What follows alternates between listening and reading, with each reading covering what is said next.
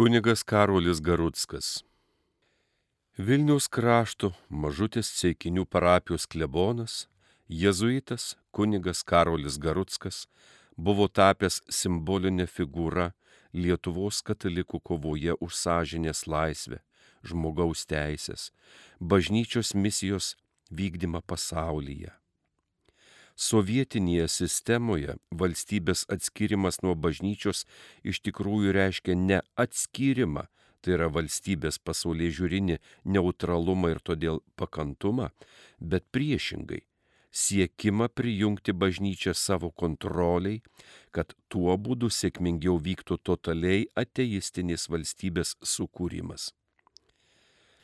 Tokiomis priespaudos sąlygomis natūralu, kad didesnį poveikį daro ne valdžiai paklusnieji, jos įbaugintieji autoritetai, bet į užkampius nugrūstieji kunigai, plačiai spinduliuojantieji savo dvasinę stiprybę. Toks buvo ir kunigas Karolis Garutskas, palikė šį pasaulį balandžio penktą dieną, eidamas 71 amžiaus metus. Karolis Garutskas gimė 1908 metais, gegužės pirmą dieną Igno ir Rozalijos Šaparnytės šeimoje užkalnių kaime Ramygalos parapijoje Panevežio apskrityje. Kilmė neturtinga. Tėvų ūkelis te buvo septynių hektarų. Tėvas mirė Karoliui tęsant ketverių metų su keturiais našlaičiais, trimis berniukais ir viena mergaitė, likusiai motinai aišku buvo sunku verstis.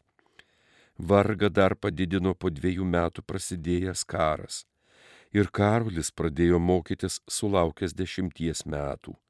Iš Barklainių pradžios mokyklos stojo į Ramygalos progymnaziją. Kadangi šioj pastarojui nebuvo lotynų kalbos ir dėl to negalėjo stoti į gimnaziją, pasirinko Panevežio mokytojų seminariją. Nors ir padėjo iš Amerikos motinos brolis Petras Pašakarnis, Karoliui mokymosi sąlygos buvo sunkios. Neturtingas, prastai apsirengęs, tai jautėsi nesmagiai, buvo tylus, nedrasus. Jūsdamas kunigų pašaukimą, Karolis Garutskas 1931 metais stojo į jėzuitus.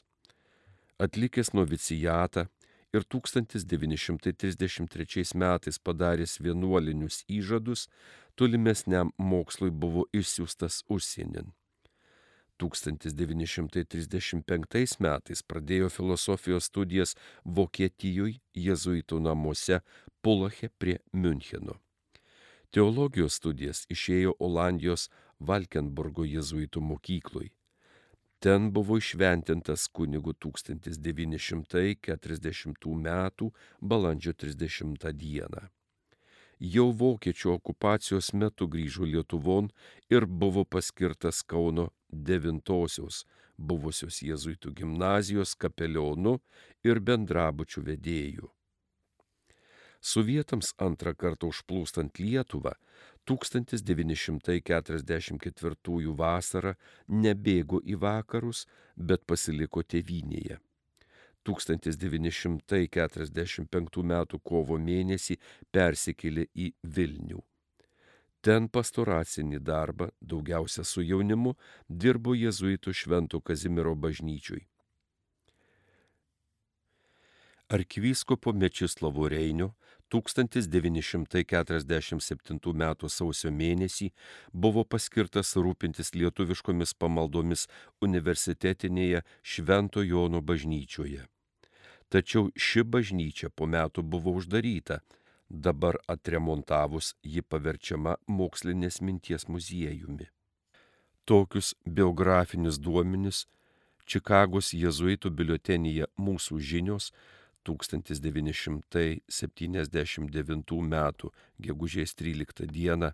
numeris 7 pateikia jėzuitas Kleinutas kartu su kunigu Garutsku dirbęs Kaune 1941-1944 metais kaip jo talkininkas, minėtosios gimnazijos bendrabučių prižiūrėtojas.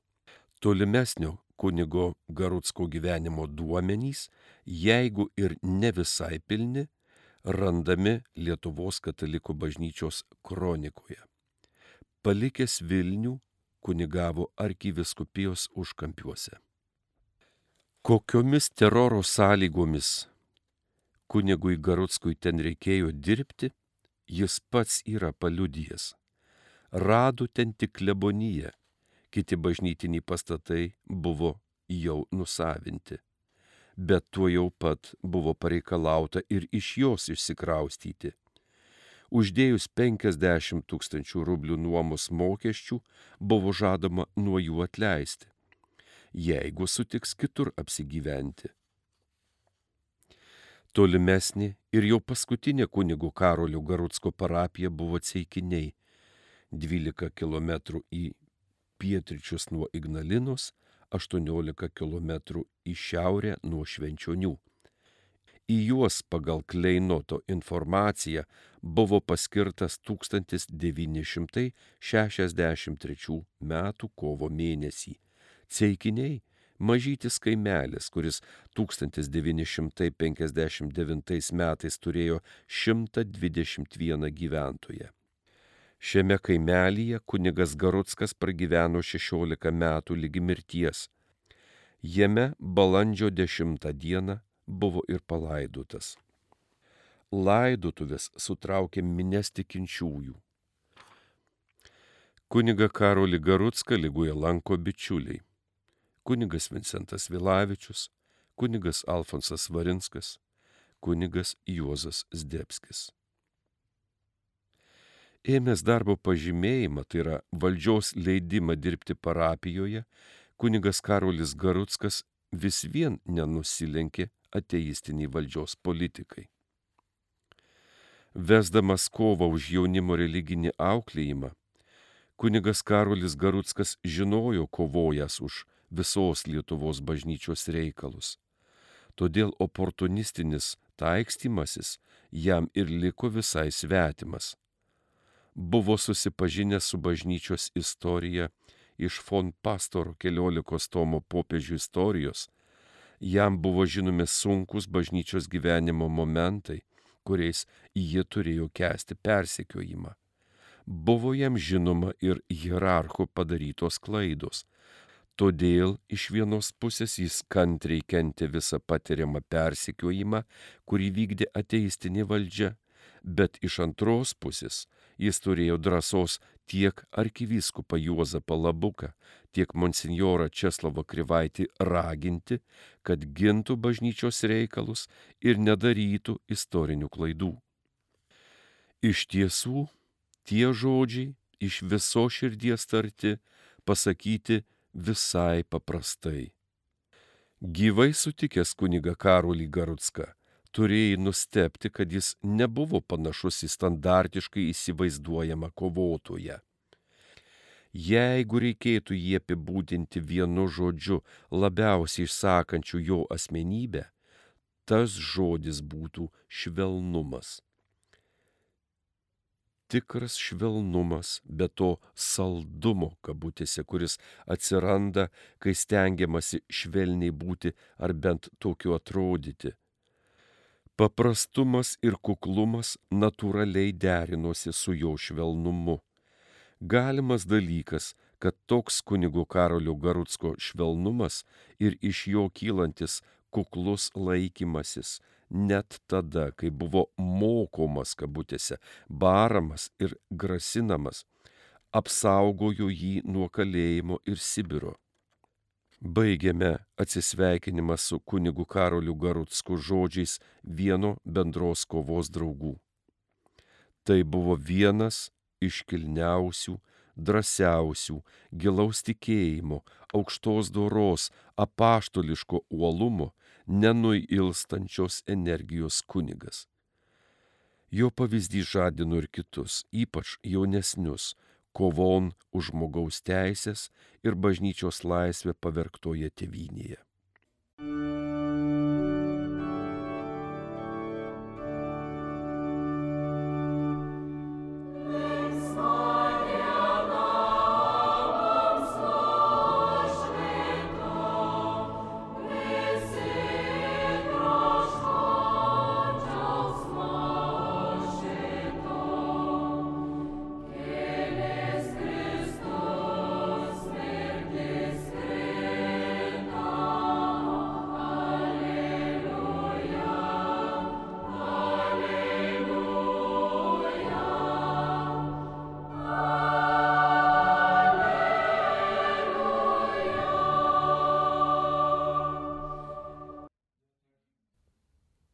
Himnas meiliai.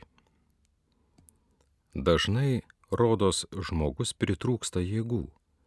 Norėtųsi viskuo nusivilti, nuo visų pabėgti, į viską ranką numoti ir pasiduoti apatijai, sustingimui.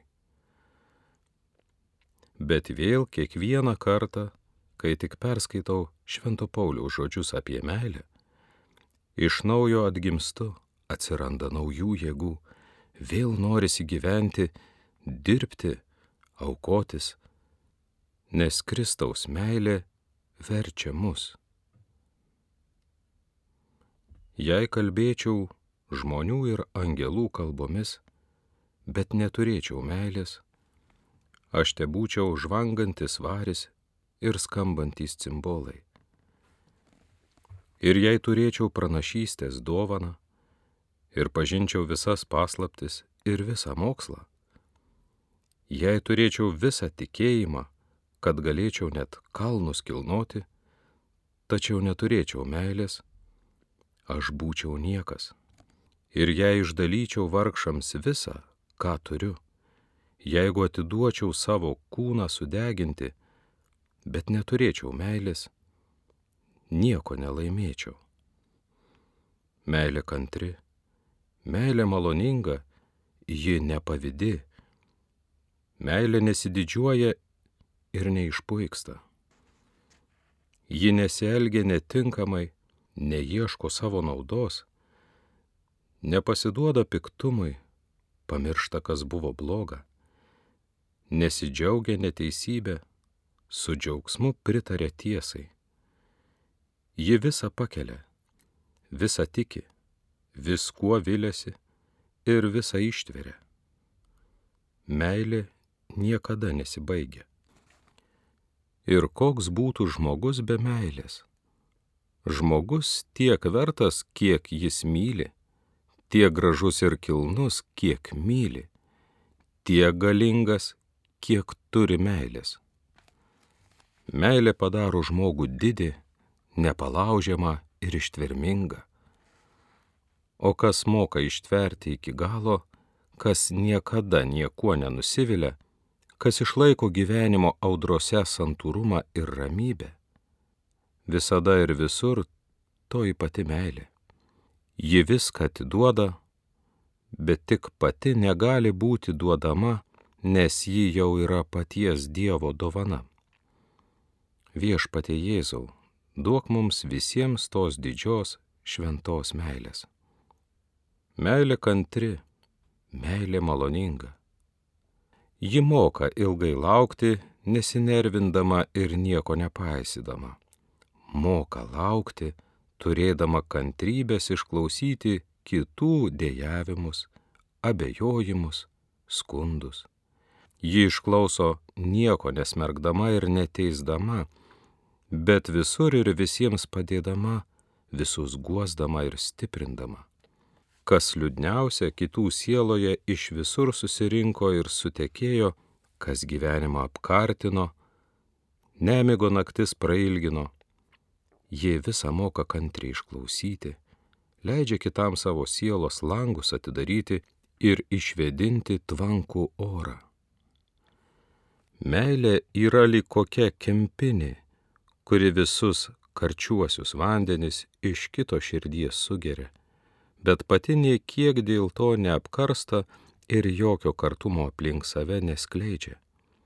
Jos kaip karaliaus mido rankose viskas virsta auksu. Ji kaip toji burtininko lasdelė visur suriuosius vandenis paverčia saldumu, panaikina visokius nesusipratimus ir įtarimus. Meilė yra kantri. Todėl ji neskuba su visomis pastabomis, ji nesibara ir niekam nesiskundžia, niekam neprikaišioja, tik laukia ir meldžiasi, meldžiasi ir aukojasi, aukojasi. Ir laukia ne kur kitur, bet prie tavo kojų, Jėzau, kuris esi pats kantriausias. Tik prie tavo kojų galima laukti nesinervinant, nesijaudinant, nepykstant. Meilė te žino tik tai vieną kerštą - už viską atsilyginti dar didesnę meilę, kuomet piktai ar gerai kalba apie ją. Ji visur ir visiems yra maloninga, ją keikia, o ji laimina, ją persekioja, o ji ištveria, jai pikdžodžiauja, o ji maloniai atsako. Meilė padeda prašantiems, bet taip pat ir nedrįstantiems prašyti duoda. O kurie nebenori nei prašyti, nei priimti, tuos meilė lydi savo tylę maldą ir auka, kol jie atsisakys priimti malonės dovanas.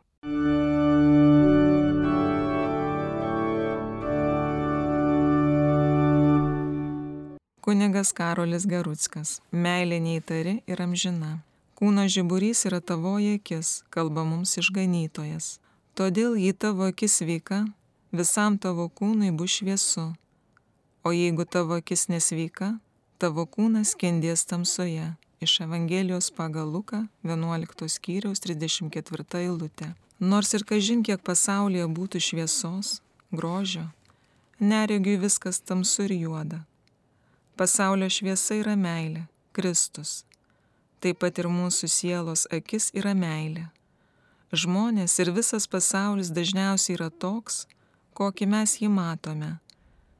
Kaip mes į jį prakalbėsime, kaip šauksime, taip jis ir atsilieps. Visi daiktai tarsi smūkas menininko rankose. Jie gali verkti, gali juoktis. Mes galime kitus pradžiuginti, galime ir nuliūdinti Daiktai gali mus gazdinti, gali ir guosti, padėti mums Dievą garbinti. Žmonės dažniausiai tokie, kaip mes apie juos galvojame ir kalbame. Kai kitus gerais laikome, jais pasitikime, tada jie ir jaučia pareigą tokie tapti. Kaip laukia šauksime, taip miške atsilieps. Kokiu tonu kalbėsime, tokį atsakymą išgirsime. Geriems visur gera nes jie moka kitus gerus padaryti. Kartą vienas kunigas sutiko žmogų, kurio gyvenimas buvo tartum koks piktybių klaidos kapas. Ta žmogus nebeturėjo jokios vilties pasitaisyti, nebesitikėjo, kad ir jam Dievas gali dovanoti. Nėra tokios nuodėmės, kurios aš nebūčiau padaręs, tvirtino jis. Kunigas jį klausinėjo, klausinėjo, Negi jis iš tikrųjų toks blogas. Rodės viskas veltui. Pagaliau dar paklausė. Gal nieko nepavogiai, nieko nenuskriaudėjai. Pavogti tai tikrai nepavogiau, prašvitosiomis akimis atsakė tas nusidėlis ir pradėjo taisytis. Taigi ir didžiausias nusidėlis dar turi ką nors gerą, tik reikia tai išgriepti iš jo gyvenimo purvų ir pirmiausia parodyti jam pačiam. Meilė neįtarė pikto. Kiekvienam, kad ir blogiausiam, darbui įranda šimtus pateisinimų, kurių nušviesta pati blogybė sumažėja arba net visai gali pranykti. Gal nežinojo, nesuprato, gal kiti iš kantrybės išvedė, gal aš pats jį blogai supratau Pagaliau, jeigu ir būtų jo pečius užgruvęs nuodėmės kalnas, gal jau seniai Dievas jam viską atleido. Iš Sauliaus gal jau pasidarė Paulius. Jeigu ne Dievas apie jį kitaip galvoja, tad ir aš turiu savo sprendimą pakeisti.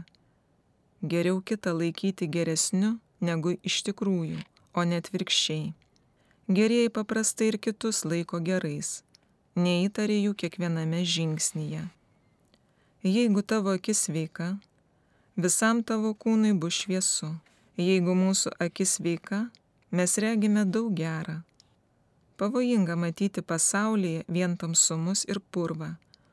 O jeigu ir labai daug piktą pastebėtume, tai neužmirškime, kad darybė tarp blogio dar skaiščiau spindi ir žavi. Ką mes mylime, tą lengviau ir pateisiname.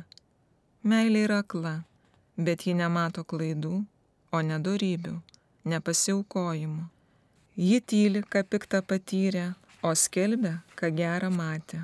Argi vienas blogas darbas, gal tik viena klaida, nusveria šimtą gerų darbų, O gal priešingai, vienas pasiaukojimas panaikina šimtą kitų blogybių? Meilė pastabi. Ji greit pamato, kas gera. Laimingas žmogus, kurio šio pasaulio tamsybei vis dar suranda daug šviesos, pasiaukojimo, daug gražių pavyzdžių. Gal niekada žemėje negyveno tiek daug šventųjų, kiek šiandien. Šiandien gera ir pikta grumėsi gigantiškoje kovoje ir niekas neturi teisės būti vidutinišku žmogumi, kalbėjo popiežius Pijus XI antrojo pasaulinio karo išvakarėse. Nebūti vidutiniška meilėje. Tikros vertybės yra tik tai tos, kurios nenuvysta kaip žolė ir nepranyksta kaip dūmas, kurios yra amžinos Daug didžių pasaulio darbų ir garsių žygių išnyksta be pėdsakų, kaip praplaukusio laivo takas vandenį. Visa išnyks ir pasibaigs, kas be meilės buvo daryta, be meilės kurta, nors ir būtų pranašystės dovanos, nors tai būtų gražiausi meno kūriniai ar geriausi didvyrių darbai su pasiaukojimu lygi mirties. Jei kalbėčiau žmonių ir angelų kalbomis, jei pažinčiau visas paslaptis ir visą mokslą, jei išdalyčiau vargšams visą, ką turiu, bet neturėčiau meilės, nieko nelaimėčiau. Tik viena meilė yra amžina, nepriklauso nuo laiko ir kitų sąlygų, jis stipri kaip mirtis. Kas su meilė daroma, su meilė kenčiama, visa tai peržengia laiko ribas ir palydi žmogų lygi Dievo sosto kaip gera ir ramu tikėti meilės jėga, kad jie ateinančius amžius laimi. Kristus mylėjo savuosius, mylėjo juos iki galo, ištverti meilėje. Viešpatė, duok man meilės. Su tokiu prašymu 1927 metais baigė savo gyvenimą sakydamas pamokslą šventas vengrų vyskupas Prohaška. Mylėk ir daryk, ką nori, šventasis Augustinas. Ištrauką skaitė Asta Valaitė.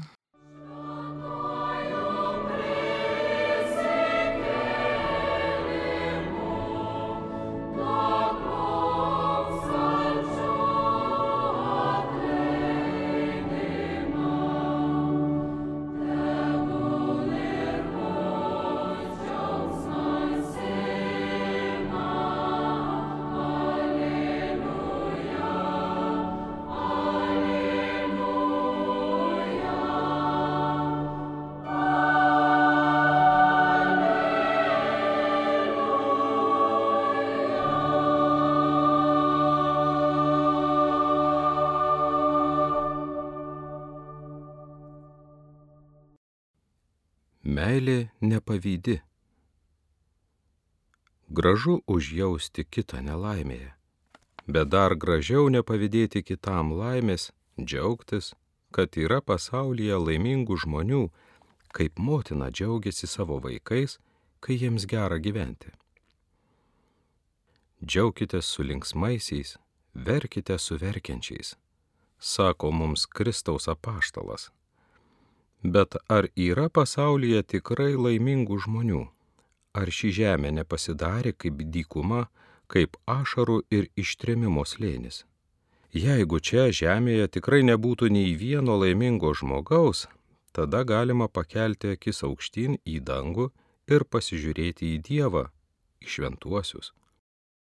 O palaimintoji trejybė, kartodavo šventasis Pranciškus Ksaveras nenusakomo džiaugsmo pagautas, o palaimintoji trejybė visos laimės jūra. Nuo amžių tu Dieve esi ir būsi laimingas.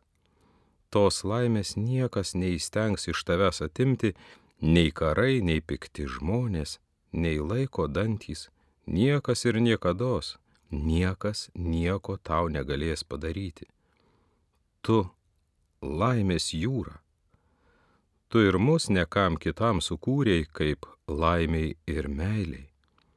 Kristus atėjęs į šią žemę nerado savo vietos, kur gimti, buvo persekiojimas, neturėjo namų, kur galvą priglausti, nešė kryžių ir mirė ant kryžiaus baise mirtimi. Bet dabar Kristus jau nebekenčia. Skelbia mums jo apaštalas. Kristus viešpatauja ir jo viešpatavimui nebus galo. Nebekenčia taip pat ir apaštalai Petras su Pauliumi, Jokūbas su Jonu, nebekenčia ir visi kiti, kurie, kaip sako šventasis raštas, perėjo per vandenį ir ugnį, kentė šaltį ir karštį, baimę ir nusivylimą, baisų troškulį, tiesos ir meilės, tėvynės ir savųjų ilgesi. Jų kūnai buvo išniekinti, lyg jie net paties Dievo ir net po mirties būtų buvę užmiršti. Štai kaip jie dabar laikomi tarp viešpatės mylimųjų ir šventųjų. Teisiųjų sielos Dievo rankose. Neišmintingųjų akimis jie atrodo mirštantis ir jų išeimas laikomas neganda. Ir jų atsiskirimas nuo mūsų sunaikinimu. Tuo tarpu jie yra ramybėje. Džiaukitės su linksmaisiais. Džiaukimės, nes ir mes esame pašaukti su šventaisiais dalyvauti Dievo meilės laimėje. Jūs būsite nuliūdę, bet jūsų nuliūdimas pavirs džiaugsmu, kartoja išganytojas. Ir kuo didesnis dabar nuliūdimas, tuo didesnis vėliau džiaugsmas. Kas sėja su ašaromis, tas pjau su džiaugsmu. Jie eina ir verkia, berdami sėklą, bet jie grįžte sugrįž su džiaugsmu, neždami savo pėdus. Jeigu taip, tai jau dabar galime džiaugtis net šio pasaulio vargais. O pavydėti reiškia trokšti ko nors savo, ką kitas turi. Bet jeigu ir visą pasaulį laimėtume, ką mes su juo veiktume? Argi jis galėtų mus pasotinti? Žmogų laimingą padaryti gali tik tai vienas Dievas, bet Dievo visiems užtenka, jis yra begalinis. Todėl meilė nepavydi, pavydo kirminas jos širdies negraužia.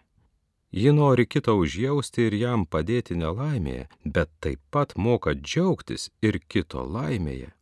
Jeigu čia žemėje te būtų visur nyku ir liūdna, tada aukštyn širdis ir mums niekada nepritrūks nei jėgų, nei tyro džiaugsmo.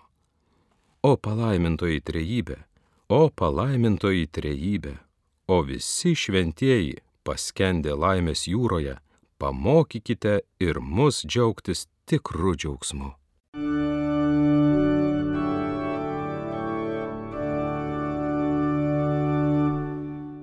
Iš kunigų Karolio Garutsko minčių pamokslo fragmentai.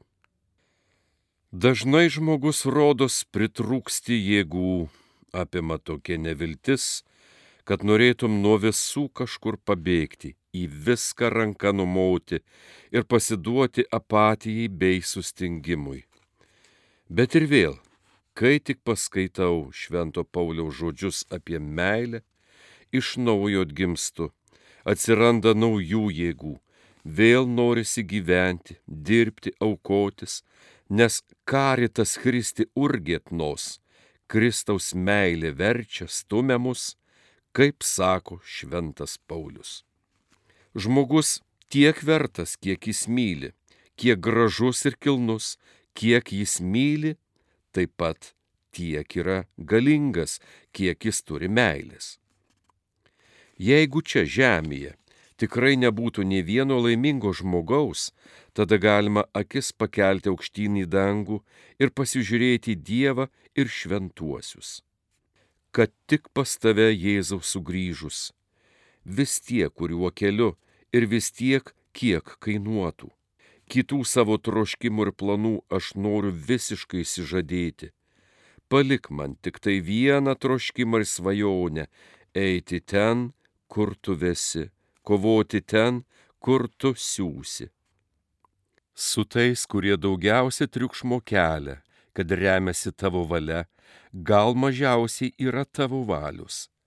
Tik tai viena meilė, kaip kokia karalienė eina per pasaulį, niekur neklaidžiudama, niekur veltų jėkų neįkvodama ir laiko negaiždama. Meilės tikroji savybė visiškai užmiršti save. Ji aukoja ne kitus savo, bet save kitiems. Viešpatie, duok man meilės, mylėti niekur savo naudos neieškant, mylėti jokio dėkingumo iš kitų nelaukiant, jokios aukos nepaisant. Meilė padeda pažinti. Pirmiausia, reikia kiekvienam atiduoti, ką esame skolingi. Kam pagarbą, pagarbą, kam užmokestį, užmokestį, kam nuoširdumą, nuoširdumą, kam meilę, meilę. Mylėti reiškia kitam ką nors duoti, kitą praturtinti. Gal meilės gerumas nekarta būna piktam panaudotas, gal iš jos pačios, kas nekarta tyčiojasi ir jai širdį drasko, vis tiek jį kas kart pasiryžusi duoti ir visą gražinti, jeigu tik tai bus teiktasi iš jos priimti. Žmogus gali pasigerti ne tik nuo vyno, kitų svaigalų, bet taip pat ir nuo svetimų minčių bei idėjų apgaulingų gyvenimo pažadų, visokių iliuzijų ir svajonių. Jeigu aplinkui visas oras toks tvankus, jame daug dulkių ir triukšmo, nėra kuo atsikvėpti ir atsigaivinti, tada galva sunki ir apsvaigusi, nesugeba realiai galvoti ir teisingai spręsti. Argi nėra pati didžioji laimė gauti nuodėmių atleidimą?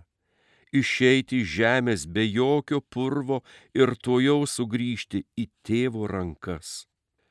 Audros ir persekiojimai dar neblogiausias dalykas. Būtų liūdna, jeigu tai nepažadintų naujų meilės didvyrių. Bet taip nėra. Kuo tamsiau, tuo daugiau aukų pareikalaujama iš meilės, tuo gražesnis ir didesnis pasitikėjimas ją. Tikrosios vertybės nenuvysta kaip žoliai ir neišnyksta kaip dūmas, jos yra amžinos. Visa pranyks ir pasibaigs, kas be meilės daryta, be meilės kurta, nors tai būtų ir pranašystės dovanos, nors tai būtų garsiausi didvirių žygiai, pasibaigė pasiaukojimu iki mirties. Mylėdami teisybę ir tiesą galime būti naudingi visai bažnyčiai, visam pasauliui, net ateinančioms kartoms. Mūsų geras darbas, kaip jūroje sukelta banga, rieda vis tolyn ir tolyn, net lygi amžinybės krantų. Gal bus užmiršta, kas tą gerumo bangą sukėlė, gal ir patys jos nebeatpažinsime, nes banguodama ji toliau įgis naujas formas. Bet tai nesvarbu, svarbu, kad viskas būtų gerai padaryta. Uždegus laužus, nušvietus kitiems kelius ir niekieno nepastebėtam išnykti, tai gražu ir didinga.